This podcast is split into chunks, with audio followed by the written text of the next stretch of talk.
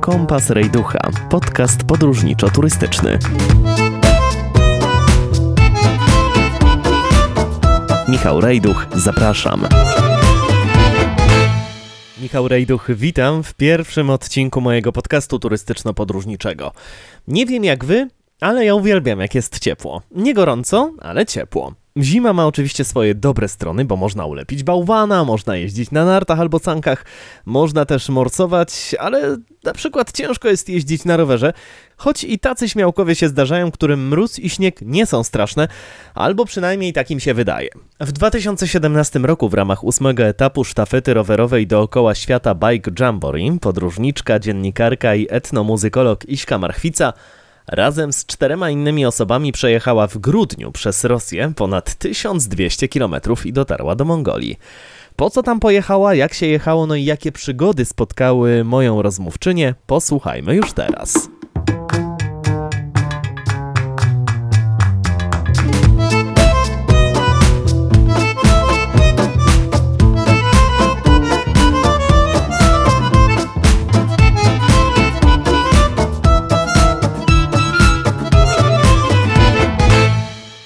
Wyobraźmy sobie w takim razie, że za oknem jest minus 30 stopni, do tego e, wieje dość mocny wiatr, mamy zawiane drogi, ograniczoną widoczność, a na rowerach jadąca grupa osób. No i właśnie w takiej grupie była Iśka Marchwica, która w 2017 roku przejechała w ramach ósmego etapu rowerowej sztafety dookoła świata odcinek z Rosji do Mongolii. Dziś gościmy u Ciebie e, w domu. Czy kochasz zimę? Dzień dobry, witam wszystkich słuchaczy. Nie, nie kocham zimy. Ja jestem ciepłolubna i ja lubię takie pory przejściowe. Uwielbiam jesień ze wszystkimi zapachami, uwielbiam wiosnę i to, jak ona się budzi i rozkwita. Natomiast zima i lato to są dla mnie takie pory, które po prostu trzeba jakoś przeżyć. Te takie skrajności. Lubię zimę ze względu na święta i dlatego, że mam urodziny w grudniu. E, ale generalnie nie, nie. Ja lubię, jak jest ciepło i przyjemnie. Nie lubię się mrozić. Ale przyznasz, że ta zima w Rosji jest zupełnie inna niż tutaj u nas w Polsce. Ta zima jest taka, jak moglibyśmy sobie wyobrazić na jakichś filmach albo na obrazach, kiedy się jedzie saniami i skrzy się śnieg i go słychać i słychać ten mróz i po prostu mróz szczypie w policzki, tak jak pamiętamy, nie wiem, na początku lat 90., jak my, Michale, byliśmy jeszcze młodzi i piękni. I Ale my dalej jesteśmy. ja pamiętam trochę nawet takie takiej zimy, ale ta zima w Polsce czy w Krakowie w ogóle jest taka bardziej wilgotna i wydaje mi się, że ten, ten mróz jest taki jakiś wchodzący tak w komórki ciała, a ta zima w Rosji była taka sucha i taka bardziej dookoła, taka bardziej w powietrzu, taka bardziej ścinająca, tak bym powiedziała, a nie taka jakaś rozmemłana. To co się w ogóle stało, że ty zdecydowałaś się na to, żeby przejechać rowerem zimą przez Rosję? Historia jest, y, sięga dalej, albo właściwie wstecz i jest y, trudna i związana z moją prywatną historią, której chyba nie będę aż tak opowiadać. Ale w dużym skrócie ja w 2017 roku przeżywałam boom swój życiowy i duże zmiany i jak znalazłam informację o tym, że jest taka sztafeta, byłam na festiwalu podróżniczym, na festiwalu Włóczyki i tam poznałam osoby, które uczestniczyły w poprzedniej sztafecie i dowiedziałam się, że jedzie nowa sztafeta, że to jest sztafeta dookoła świata.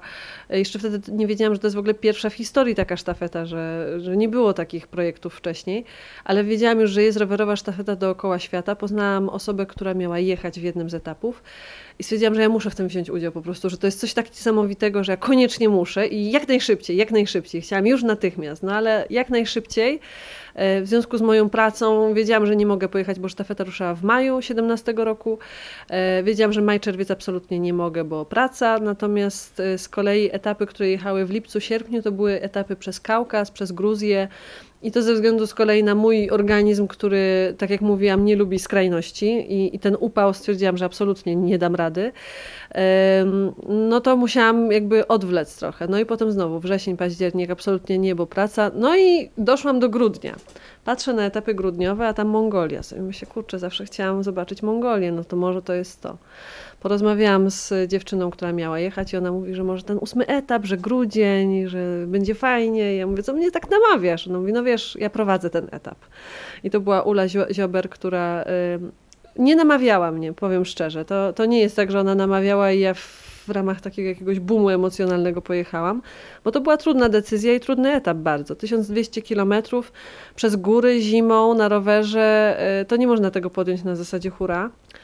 E, a że jest to grudzień i miesiąc bardzo świąteczny, no to w ogóle wiedziałam, że rodzice mnie wyklną. I że, i że... Zamkną przed tobą drzwi, nie tak. będzie wstępu do domu, e, I bo córka pojechała na święta na rower, na rowerową wycieczkę. Tak, na taką wycieczkę. Tata oczywiście się już ze mną pożegnał na zawsze, stwierdził, że wrócę w czarnym... Nie, to brat powiedział, że wrócę w czarnym worku. Ale jakoś ten grudzień do mnie przemawiał i w ogóle stwierdziłam, że tyle jest y, rzeczy, które są za, że ten mróz i to, że to jest takie trudne jest jakby najmniejszym problemem. Jakby przeciwko było to tylko to, że to jest trudne. Ale kiedy rozmawiałam z Ulą, która jechała w poprzedniej sztafecie i ona jechała nawet w dwóch etapach, i w zimowym, i w letnim, ona powtarzała coś, co wszyscy podróżnicy powtarzają i to jest takie niby błahe, ale jest niesamowicie prawdziwe, inaczej się tego nie da ująć. Że wszystko jest w głowie. To naprawdę jest w głowie. I co innego jest, kiedy my zrywamy się po pracy w piątek wieczorem i nagle w sobotę chcemy wyjść na rysy i zmęczeni e, wstajemy o czwartej nad ranem i wychodzimy na te rysy e, i to jest nienaturalne dla naszego organizmu. Musimy się przystosować do tego, do tego wysiłku, do tej zmiany w głowie, do tego, że nie jesteśmy w trybie pracy 8 godzin, klepania w komputer, tylko robimy coś innego. I w momencie, kiedy jedziemy na taką wyprawę miesięczną, czy nawet dłuższą, tak naprawdę to jest dużo prostsze, ponieważ my przez cały miesiąc jesteśmy w tym trybie, to jest nasz tryb pracy w tym momencie. I dużo łatwiej się, szczerze mówiąc, w ten sposób działa, ponieważ y, życie na takiej wyprawie jest tak naprawdę banalnie proste. Oczywiście ono jest trudne ze względu na trudności fizyczne, ale prostota polega na tym, że musisz wstać, zjeść, ubrać się, jechać. Zatrzymać się, zjeść. jechać, zatrzymać się, rozbić namiot i iść spać. Nic więcej nie musisz tak naprawdę. No my musieliśmy jeszcze zdawać relacje na Facebooka, ale powiedzmy, że to nie jest y, tak wymagające jak życie codzienne, które wymaga od nas planowania, zakupów, płacenia, y, nie wiem, podatków, niepodatków, y, pracy, stresu, ktoś coś od nas chce, a tutaj jeszcze psa wyprowadzić, a, a z żoną porozmawiać, a nie wiadomo co jeszcze. Strasznie dużo mamy takich bodźców, a na takiej wyprawie ten umysł się zupełnie oczyszcza. Nagle się okazuje, że życie jest banalnie proste, bo sprowadza się do bardzo podstawowych funkcji życiowych. Więc to zimno, wracając do Twojego pytania, od którego odeszłam zupełnie, to zimno było po prostu elementem życia. To jest tak jak, nie wiem, jak to, że masz tramwaj o 8.30 do pracy. Nie wierzę, że się tak przyzwyczaiłaś do minus 30 stopni, gdzie w Polsce temperatura w grudniu sięga teraz no mniej więcej 2-3 na plusie. No dobra, niech zejdzie do 5 na minusie. To jest maks. Mhm. Nie, nie da się przyzwyczaić do takiej temperatury, bo to nie jest temperatura naturalna dla człowieka do życia na zewnątrz, oczywiście. A jeszcze do jazdy na rowerze. E, jeszcze do jazdy na rowerze, to zaraz jeszcze do tego wrócę, ale przyzwyczajasz się do tego, że tak po prostu jest. E, moja mama zawsze powtarza, że przyzwyczajenie drugą naturą człowieka. I my się przyzwyczailiśmy do tego, że tak jest, że po prostu jest zimno. I jeszcze jak y, bierzesz pod uwagę to, że jest zimno na zewnątrz, ale my przez cały czas grzejemy się w domach, to faktycznie ta różnica temperatur jest taka nagła i dramatyczna i drastyczna. Sam jechałeś do mnie teraz samochodem, po czym wyszedł rejduch z samochodu i już zamarza, bo na zewnątrz minus cztery. No ale to, to nie jest przytyk, tylko to, że przez cały wieczór siedziałeś, czy tam spałeś w ciepłym łóżku, wsiadłeś do samochodu, samochodu, nie miał kiedy ten organizm się przyzwyczaić. Bo jestem kochana ciepłolubny. A ja też jestem ciepłolubna i też bym pewnie zmarzła. I też jak e, stałam ostatnio dwie godziny na zewnątrz, to się przeziębiłam, bo, bo nagle mi było strasznie zimno. Ale to jest też kwestia ubrań, ale też przede wszystkim kwestia tego przyzwyczajenia. My jeżdżąc cały czas w tym zimnie i przyzwyczajając się do tego, że jest, też do tego, że jest nam zimno po prostu. Chociaż rzeczywiście mieliśmy takie ubrania, że nie czuliśmy tego zimna, raczej takie zmrożenia w różnych momentach. Ale w momencie, kiedy wchodziliśmy do pomieszczeń, kiedy musieliśmy coś załatwić, a, a bywaliśmy w bankach, ponieważ w Rosji nie ma kantorów, tylko pieniądze trzeba wymienić w banku. I w tym banku, oczywiście, jak to w banku, zawsze jest mnóstwo ludzi i w ogóle tłum. E, I bardzo długo czekaliśmy. I Rosjanie mają tak, że oni w zimie grzeją na maksa po prostu. Tam nie ma czegoś takiego, że jest trochę włączone ogrzewanie. Nie, tam jest grzane na maksa, no bo tam w nocy potrafi temperatura spaść nawet do minus 60, zdarza się. My akurat nie mieliśmy aż takich temperatur. Ta zima była paradoksalnie dosyć łagodna.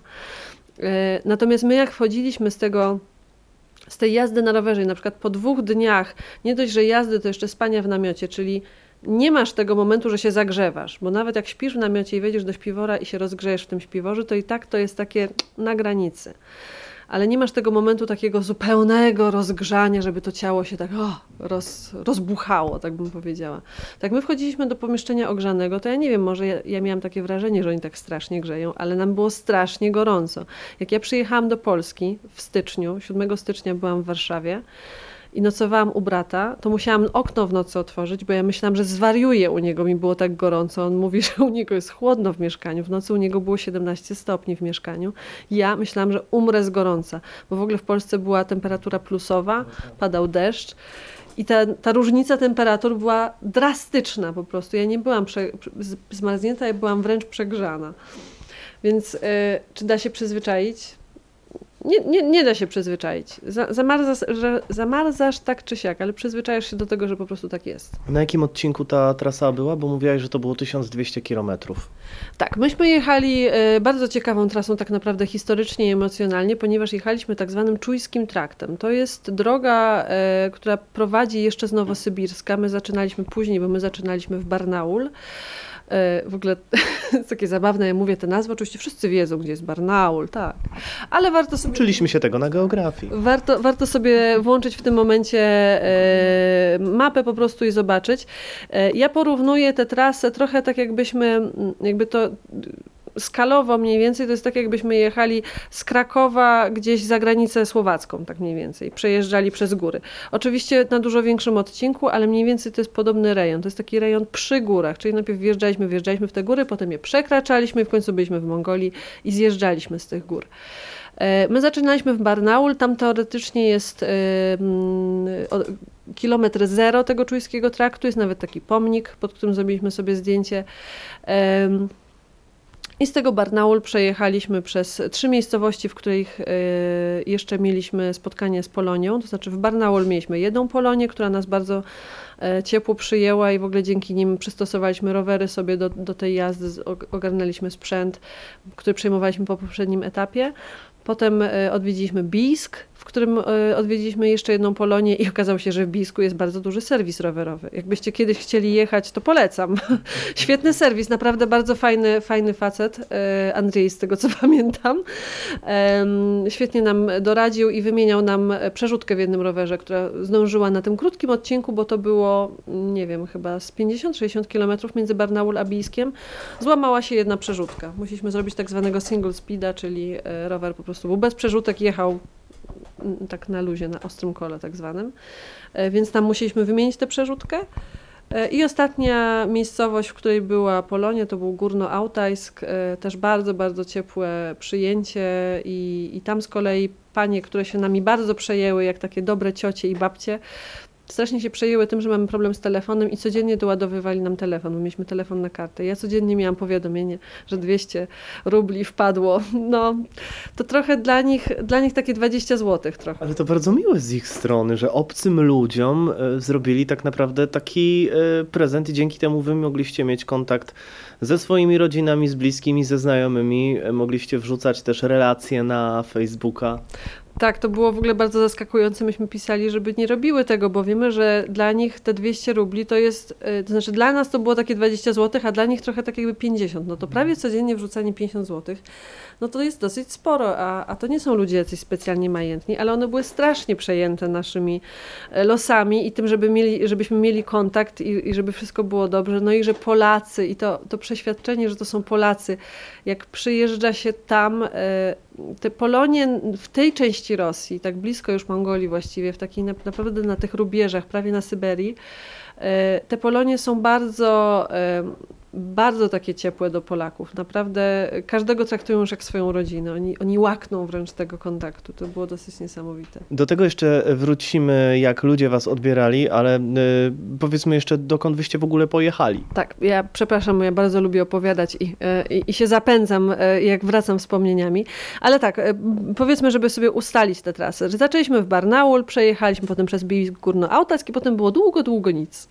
Jechaliśmy czujskim traktem. Czujski trakt jest taki trochę jak Zakopianka, po prostu jest droga. I ludzie, których spotykaliśmy, mówili, ale możecie odbić tutaj w prawo, w lewo, tam pięknie jest w górach, no ale nas niestety gnał czas i musieliśmy e, zdążyć tak, żeby następny etap e, nas odebrał. E, więc jadąc tym czujskim traktem dojechaliśmy w końcu do granicy. Przed granicą była miejscowość Koszagacz i to jest w ogóle takie niesamowite, bo jak się idzie palcem po mapie, to, to ci się wydaje, że Koszagacz, takie wow, jakaś metropolia, miejscowość. A tam po raz pierwszy widziałam na środku drogi krowę jedzącą kartą, także taka metropolia. Ale właśnie w Koszagacz e, to była ostatnia miejscowość, w której mogliśmy zrobić takie pamiątkowe zakupy e, jakieś. E, potem dojechaliśmy do Taszanty, to była granica rosyjsko-mongolska. Tam spędziliśmy niedzielę na granicy, to akurat była Wigilia, tak nam się dobrze złożyło, że to była Wigilia, więc te Wigilie odpoczywaliśmy na granicy, mieliśmy jeden dzień przerwy i potem już przejechaliśmy 300 km przez Mongolię. Mogłabym to wymienić, jakieś miejscowości, mogłabym je chyba wymyślić nawet, bo tam po prostu nic nie ma tak naprawdę i dojechaliśmy do miejscowości Kobdo. E, takiej troszeczkę większej miejscowości, no troszeczkę większej, bo, e, bo tam był na przykład plac taki duży, e, z pomnikiem, z tego co pamiętam. Tam były na przykład supermarkety, można było płacić kartą, także dla nas to było po, po, po tygodniu na stepie, to po prostu mieliśmy takie wow, wiecie, jedziecie tydzień przez step, nic nie ma, tylko konia martwego mijacie, a tu nagle korek, światła, możliwość płatności kartą, pijani ludzie. Szaleństwo. I dojechaliśmy tam dokładnie na Sylwestra. Sylwestra spędziliśmy już z następnym etapem. I potem już jeszcze trzeba było wrócić więc z Kobdo, to jest dosłownie na granicy rosyjsko-mongolskiej, z Kobdo przejechaliśmy e, samochodem już e, ze sprzętem całym. Dwa dni jechaliśmy samochodem wynajętym do Ulan Bator, żeby, żeby dotrzeć do stolicy Mongolii, wsiąść w samolot i szczęśliwie wrócić do domu. I o ten sprzęt chciałem zapytać, bo jeżeli planujemy taką e, wyprawę, no to umówmy się, zaczynają się schody, bo okazuje się, że tak, trzeba mieć dobry rower, trzeba mieć porządny kombinezon, który ochroni nas przed wiatrem i chłodem, trzeba mieć dobre buty, trzeba mieć y, dobry namiot, śpiwór, trzeba zebrać wszystko do jednego plecaka, czy też do sakw, a no umówmy się, to wszystko kosztuje. I waży. I co się dzieje wtedy? Na etapie planowania wpadamy w panikę, cztery razy mniej więcej rezygnujemy z wyprawy. Ja y, pamiętam, że w listopadzie jeszcze dzwoniłam do mojego przyjaciela i mu mówiłam, że ja nie jadę, w ogóle nie ma szans, ja nie mam pieniędzy, nie mam na to siły, ze wszystkimi się kłócę, w ogóle nerwy są na takim poziomie. Ja w ogóle prawie przestałam jeść w listopadzie z nerwów. E, nie dlatego, że się stresowałam trasą, to jest najlepsze. Ja się nie stresowałam trasą. Ja w ogóle, ja w ogóle chyba nawet nie doszłam do tego, żeby zobaczyć, jak ona wygląda, bo za trasę był u nas odpowiedzialny kto inny. A ja byłam odpowiedzialna za kwestie takie promocyjno zbierania pieniędzy i tych um, kwestii technicznych właśnie, żeby w ogóle wyjechać. Czyli to na twojej głowie spoczęło to zebranie kasy na ten wyjazd tak. dla całej ekipy. Ile was jechało? Było nas w sumie pięć osób. Um, jak zaczęliśmy liczyć, e, ile pieniędzy potrzebujemy e, i sprawdziliśmy, co nam daje sztafeta, a czego my potrzebujemy, to okazało się, że tych pieniędzy naprawdę potrzebna dużo. Ja myślałam, ja pamiętam jak dziś, że do Megi mówiłam, do, bo były trzy dziewczyny, dwóch chłopaków. Ja, Megi i Ula. Ula była liderką i dwóch chłopaków, Rafał i Mateusz. I pamiętam, że mówiłam do Megi, którą e, sama namawiałam na wyjazd. Jakoś jeszcze w lipcu chyba, pamiętam, że jej powiedziałam, że moim zdaniem to tak dwa tysiące trzeba będzie wydać i będzie spoko. Jakżeż się myliłam. Ja przestałam liczyć w pewnym momencie pieniądze, ale jak ktoś mnie pyta, ile mniej więcej wydałam, e, ile, jakby, jaki był koszt na jedną osobę, to wyszło mi tak około 10 tysięcy złotych. Przy czym ten koszt był podzielony, bo y, my szczęśliwie zebraliśmy przez zrzutkę e, trochę pieniędzy takich dodatkowych. Te pieniądze na przykład były potrzebne na to, żeby wynająć ten samochód, o którym wspominałam. I to też była kwestia do ustalenia wcześniej, bo my na szczęście nasz etap był taki, że my nie zostawialiśmy wszystkiego na hura i się okaże. Niektóre etapy tak robiły, ale dlatego, że mogły sobie na to pozwolić, ponieważ jechali w lecie, nie wiem, w bardziej dostępnym rejonie. My nie mogliśmy sobie pozwolić na to, że 31 stycznia wylądujemy w Kobdo i wtedy nie wiadomo, co się wydarzy. Nie, my musieliśmy wcześniej zaplanować, tym bardziej ta, to nasze planowanie i też te koszty z tego się wzięły, że my byliśmy w dosyć trudnej sytuacji, jeżeli chodzi o sztafetę. Etap przed nami był dwuosobowy. Jeszcze wcześniejszy był y, cztero chyba, albo pięcio, czteroosobowy. Czyli y, nas było pięcioro, etap po nas był jednoosobowy i następny był pięcioosobowy. W sprzęcie sztafetowym, który y, był przekazywany, były rowery przede wszystkim. My na przykład musieliśmy umówić się z etapem szóstym, żeby dwa rowery zostały wysłane do Barnaul dwa miesiące wcześniej, żeby tam na nas czekały. Etap siódmy, który był dwuosobowy, dojechał z tymi rowerami do Barnaul i je tam zostawił. My jechaliśmy z jeszcze jednym rowerem, który leciał samolotem. I wtedy mamy pięć rowerów. Uf, udało się. Po czym etap dziewiąty po nas jest jednoosobowy, więc chłopak wsiada na rower, bierze jeden rower i zestaw sakw, a my pakujemy cztery rowery, cztery zestawy sakw. I wysyłacie je dalej. I jedziemy z tym wszystkim do Ulan Bator. W Ulan Bator poznajemy niejaką Noemi bodajże, już właśnie nie mogę sobie przypomnieć, jak ta dziewczyna się nazywała, która pozwoliła, żeby na jej balkonie rowery sztafetowe i sakwy siedziały przez miesiąc i czekały na etap dziesiąty. Etap dziesiąty pięcioosobowy spotyka się z nią w lutym i odbiera sprzęt. Ilość kombinatoryki, żeby to wszystko zgrać czasowo, finansowo, umówić się i tak dalej, była po prostu szalona. Ale udało się, podobnie jak udało się też zdobyć sponsorów, którzy, no umówmy się, dużo Wam e, pomogli. Kombinezony, namioty, e, buty. Te kombinezony, o których mówisz, e, były na szczęście od sponsora naszego sztafetowego, od firmy Pajak, polskiej firmy zresztą, która korzysta z polskiego gęsiego puchu i to są naprawdę świetne rzeczy i te śpiwory, w których myśmy spali też były z firmy Pajak, więc wielki pokłon dla nich, bo tylko dzięki nim chyba przeżyliśmy.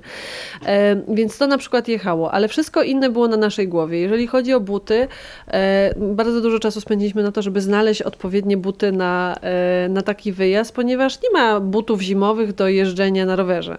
Bo to muszą być buty, które nie przepuszczają e, wiatru, pędu wiatru, a każde buty właściwie zaczynają się grzać w momencie, kiedy noga się rusza. I my kupiliśmy buty z firmy, która produkuje buty dla kanadyjskich traperów i my w tych butach marzliśmy ponieważ kanadyjski traper chodzi w butach i noga się rusza, a jadąc na rowerze stopa się nie rusza i ona marznie. Nie możesz też za bardzo napchać skarpet do tego buta, no bo wtedy ograniczasz krążenie krwi i tak dalej, i tak dalej. Można po prostu o sprzęcie mówić bardzo dużo. Jeżeli chodzi o sponsorów sztafetowych, to od sponsorów mieliśmy też e, na przykład termosy, e, czy jakieś tam takie sprzęty kuchenne, e, namiot właśnie, jeden namiot był bardzo dobry, ale my byliśmy dosyć dużą grupą jak na taki etap. Więc my bardzo dużo rzeczy musieliśmy albo pożyczyć, albo zdobyć w inny sposób. Namiot pożyczyła nam koleżanka, która kilka lat wcześniej szła przez bardzo trudne zimowe tereny z innymi koleżankami. Taka była wyprawa kobieca i miały zimowy, wyprawowy namiot specjalnie skonstruowany i w ogóle. I one z niego korzystały radośnie, y, tylko że u nas był ten problem z tym namiotem, że ten namiot stał w momencie, kiedy wbiło się dobrze śledzie i naciągnęło linki. A my bardzo często nie mieliśmy jak tych śledzi wbić, bo ziemia była tak zmarznięta, że, że się nie dało, więc namiot był na przykład naciągany na rowerach. I co zrobić? nie wpadliśmy na to. To są takie różne rzeczy, o których człowiek nie myśli, bo, bo nie miał do czynienia z takimi warunkami. No ale namiot był pożyczony i dzięki temu y, ten jeden koszt na przykład odpadł. jak ja zaczęłam zbierać fundusze przez zrzutkę i promować ten nasz wyjazd, E, to pomijając to, że wpłacali nasi znajomi, e, rodziny, ale też osoby, które nas nie znały, tylko na przykład przyjaciele sztafety, bardzo dużo osób ze sztafety samej w sobie nas wspomagało. My zebraliśmy na zrzutce 7 tysięcy złotych, pamiętam. I to były pieniądze, które poszły tak naprawdę na e, koszty sztafetowe, to znaczy mm, z tego opłaciliśmy ten samochód i różne rzeczy, które tak naprawdę przydały się w drodze. Musieliśmy też kupić specjalne opony, ponieważ opony, które były w sztafecie, nie były przystosowane do tego, żeby jeździć po lodzie i po śniegu, e, więc mieliśmy specjalne opony i tak dalej, i tak dalej. Natomiast każdy z nas już potem musiał sobie dokupić mnóstwo sprzętu takiego e, osobistego i to były na przykład spodnie softshellowe, czyli takie, które nie przepuszczają powietrza, e, wiatru. Rękawice, zwykłe, softshellowe, puchowe. Każdy miał chyba na wyposażeniu co najmniej cztery pary rękawic, a ja i tak dokupy, dokupywałam w Bisku jeszcze rękawice, bo okazało się, że moje są za słabe i to po, po trzech dniach wyszło na jaw. Czapki, e, bielizna termoaktywna, no i oczywiście jedzenie, którego też wieźliśmy dosyć sporo. Kupowaliśmy hurtowo tak zwane liofilizaty, czyli takie jedzenie, które wystarczy zalać gorącą wodą, żeby był pełnowartościowy, e, kaloryczny posiłek. To nie jest to samo, co zupki chińskie, tak zwane. Nie, nie, nie. To jest, to jest coś takiego, że jak się zaleje, moja mama się śmiała, że zalejesz i masz pewnego kurczaka. No może nie, to jest zawsze jakiś makaron z czymś albo ryż, ale najważniejsze jest to, że na tych posiłkach jest- opisana kaloryczność, a ta kaloryczność była dla nas bardzo, bardzo istotna. A jak w ogóle reagowali na was ludzie, którzy y, patrzyli, jak wy przejeżdżacie? No tutaj mówiłaś o tym, że mm, y, jedna osoba przechowywała rowery na balkonie. Można powiedzieć, że spotykaliście się z takim ciepłym przyjęciem. Spotykaliśmy się ze śmiechem bardzo często. Jak ludzie nas widzieli na tych rowerach, to się łapali za głowę. Pukali pewnie, nie? Co oni robią? Minus 30, a tu jadą na rowerach. A wy nie możecie w lecie przyjechać, wtedy jest pięknie. Przyjedźcie na auta i w lecie, bo wtedy tutaj wszystko kwitnie. Pokazywali nam zdjęcia, jak to w lecie wygląda. My pokiwaliśmy głową, no tak, tak, no ale musimy jechać. A czemu musicie? I pytanie było na przykład bardzo często, a kto wam za to płaci? I mówiliśmy, nam nikt za to nie płaci, my sami za to zapłaciliśmy. No to salwy śmiechu były po prostu, jeden policjant nas przesłuchiwał i nas pytał, kto nam za to płaci, gdzie jest ta propaganda, że my tutaj coś chcemy w Rosji pokazywać. Mówimy, że nie, że my sami, że my sami zapłaciliśmy. A to wy pewnie dobrze zarabiacie. No nie, no ja jestem dziennikarką, a ja tam jestem edukatorką, a jestem fotografem. A to wy nie macie pieniędzy i sami za to płacicie i jedziecie? I jak się zaczął śmiać? Boże, ja nigdy nie widziałam, żeby ktoś się tak strasznie śmiał, my tak siedzieliśmy, no co? No tak, no. Ale proponowali wam na przykład nocleg? Zdarzyły się takie sytuacje, czy nie? Nie.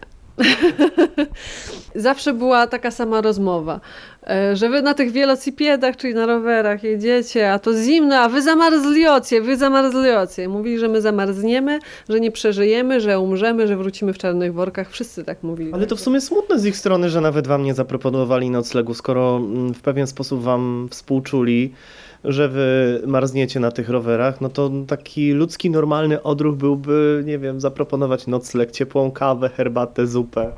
Wychodzili z założenia, że sam żeś chciał, Grzegorzu Dędało. Jak sobie wymyśliliśmy, to jedźmy. Rozmawiałam na ten temat z moimi rodzicami, którzy no, pamiętają różne czasy słusznie minione i, i, i sytuacje ciężkie w naszym kraju. Trzeba jakby powiedzieć jeszcze jedną istotną rzecz. My nie jechaliśmy sobie przez tę Rosję tak sobie amuzą. My byliśmy pod opieką ministerstwa. Tam jest coś takiego jak Ministerstwo do Spraw, nadzwy, y, do spraw Nadzwyczajnych czy Nietypowych, jakoś tak to się nazywało. My musieliśmy się zgłosić do tego ministerstwa i musieliśmy zgłosić dokładnie, kiedy będziemy w Taszancie. Z jednej strony to było trochę takie, że wielki brat patrzy, a z drugiej strony w sumie cieszyliśmy się, że e, wojsko i ministerstwo wie o tym, że takich pięciu wariatów na rowerach jedzie, bo jeżeli my po drodze gdzieś by nas te wołki zjadły, co też nam wszyscy mówili, że nas wołki zjedzą, e, albo coś by się stało, ktoś by złamał nogę i my byśmy gdzieś utknęli, to to wojsko zaczęłoby nas szukać. A w tym rejonie, w tych warunkach naprawdę było ciężko. Tam nie ma szpitala, tam nie ma czegoś takiego, że jak ktoś się wywrałci i rozwali sobie głowę, to zadzwonimy po, pod 112 i, i przyjedzie y, ambulans. Nie, to, to tak naprawdę dobrze, że się nic nie stało, bo naprawdę nie wiem, co można by zrobić. Trzeba jechać do najbliższego jakiegoś miejsca, prosić o pomoc i, i nie wiadomo. Na przykład najbliższy szpital był w odległości 200 kilometrów.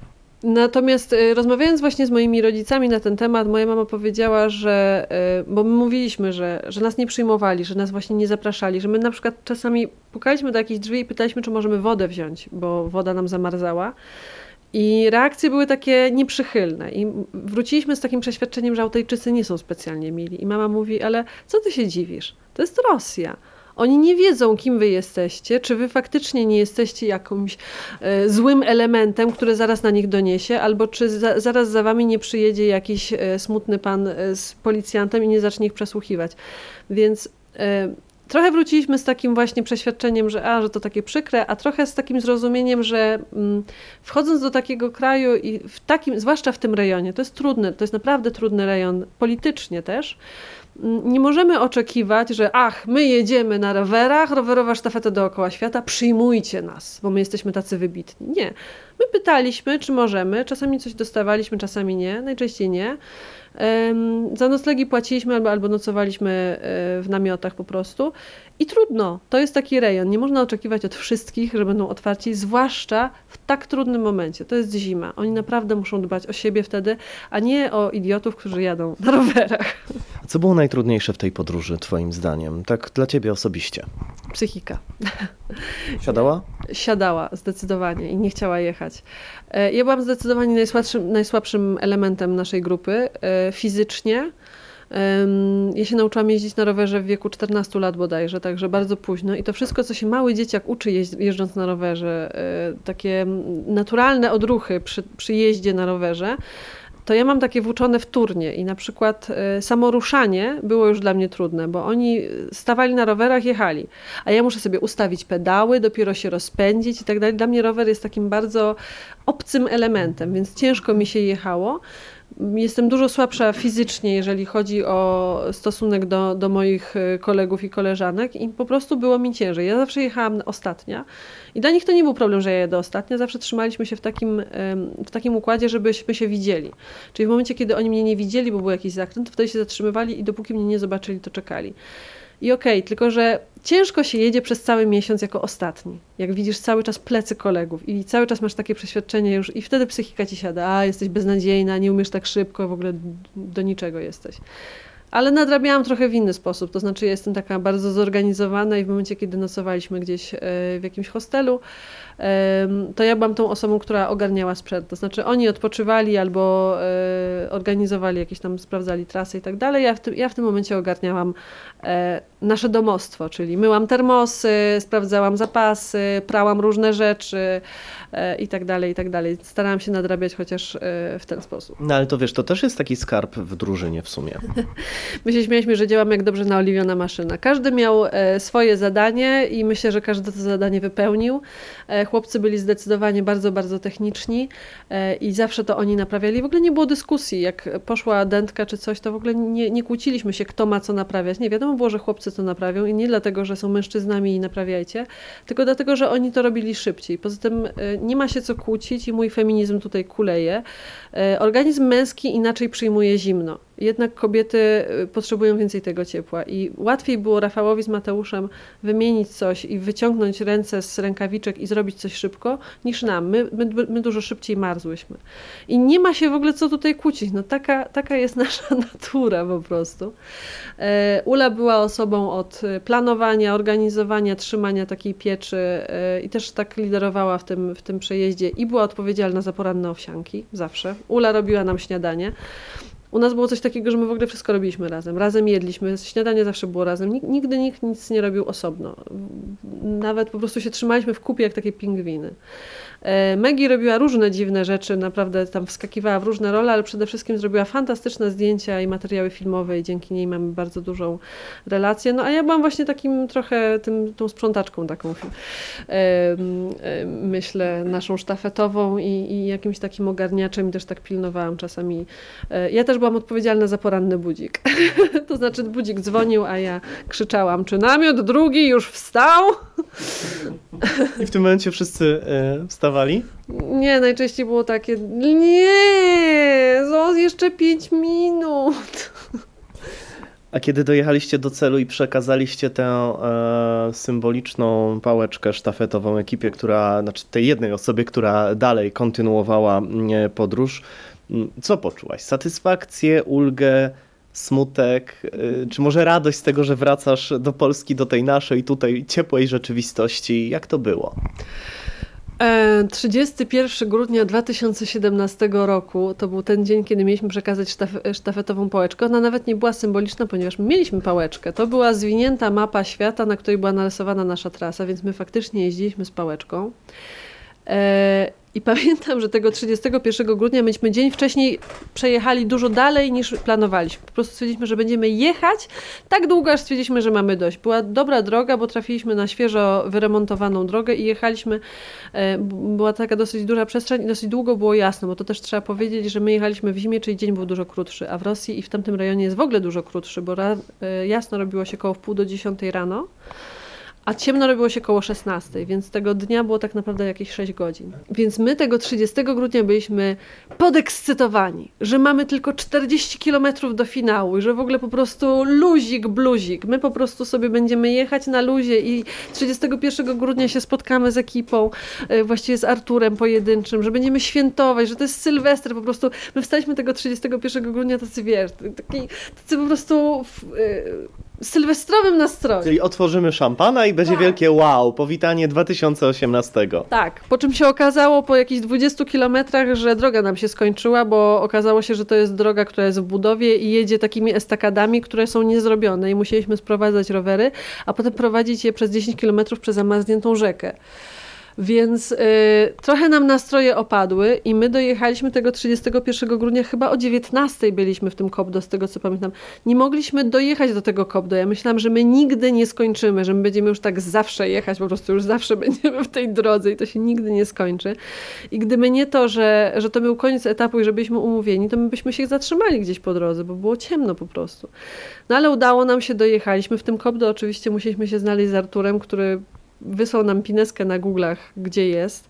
My musieliśmy wejść do jakiegoś e, hostelu, żeby złapać Wi-Fi, bo nie łapało nam, bo to już była Mongolia, nie mieliśmy e, internetu w telefonie, bo nam się nie opłacało kupować. Zresztą nie było nawet gdzie. E, I jak myśmy się spotkali z Arturem, którego ja widziałam na szkoleniu medycznym we wrześniu raz. Ja w ogóle nie wiedziałam, co on będzie robił i gdzie będzie jechał. E, My z tym Arturem mieliśmy oczywiście kontakt wcześniej, bo dużo rzeczy ustalaliśmy, ale to taki kontakt telefoniczny. Jak myśmy się spotkali w tym Kobdo, wszyscy w czerwonych kubraczkach od pajaka, myśmy się witali, jakbyśmy byli po prostu najlepszymi przyjaciółmi na świecie, którzy wreszcie się poznali. Boże, jak myśmy się ściskali, całowaliśmy się z nim na, koń, na środku e, jakiejś ulicy. Pamiętam, że po prostu byliśmy tak szczęśliwi, że Jezu. I jak doszliśmy, e, w końcu tam znaleźliśmy e, hotel, ustaliśmy, bo też Mongołowie nie mówią po żadnemu, e, więc rozmawianie z Mongołami o hotelu jest w ogóle ciekawe. Ale udało się, zakwaterowaliśmy się w tym hotelu, stwierdziliśmy, że idziemy na kolację sylwestrową i w ogóle.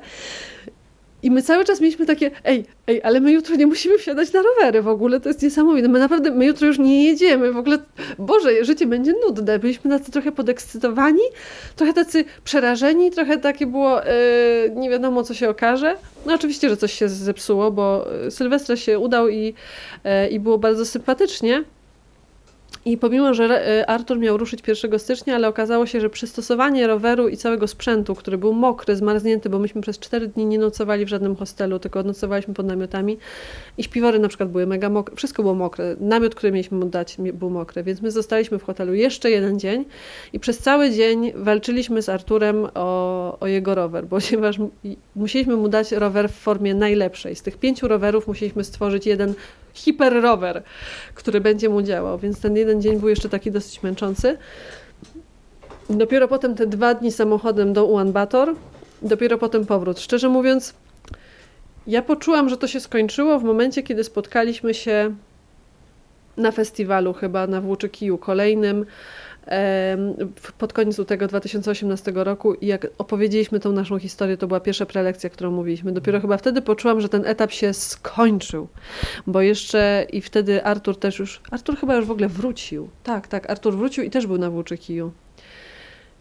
Więc e, my tak naprawdę, jak Artur jechał przez cały styczeń, to my jeszcze byliśmy cały czas w tym trybie, bo on był pojedynczy, sam. Myśmy mu przekazywali sztafetę, y, y, pałeczkę, rower, jemu się jeszcze kuchenka zepsuła, wszystko. Więc my byliśmy cały czas w tym takim trybie jechania.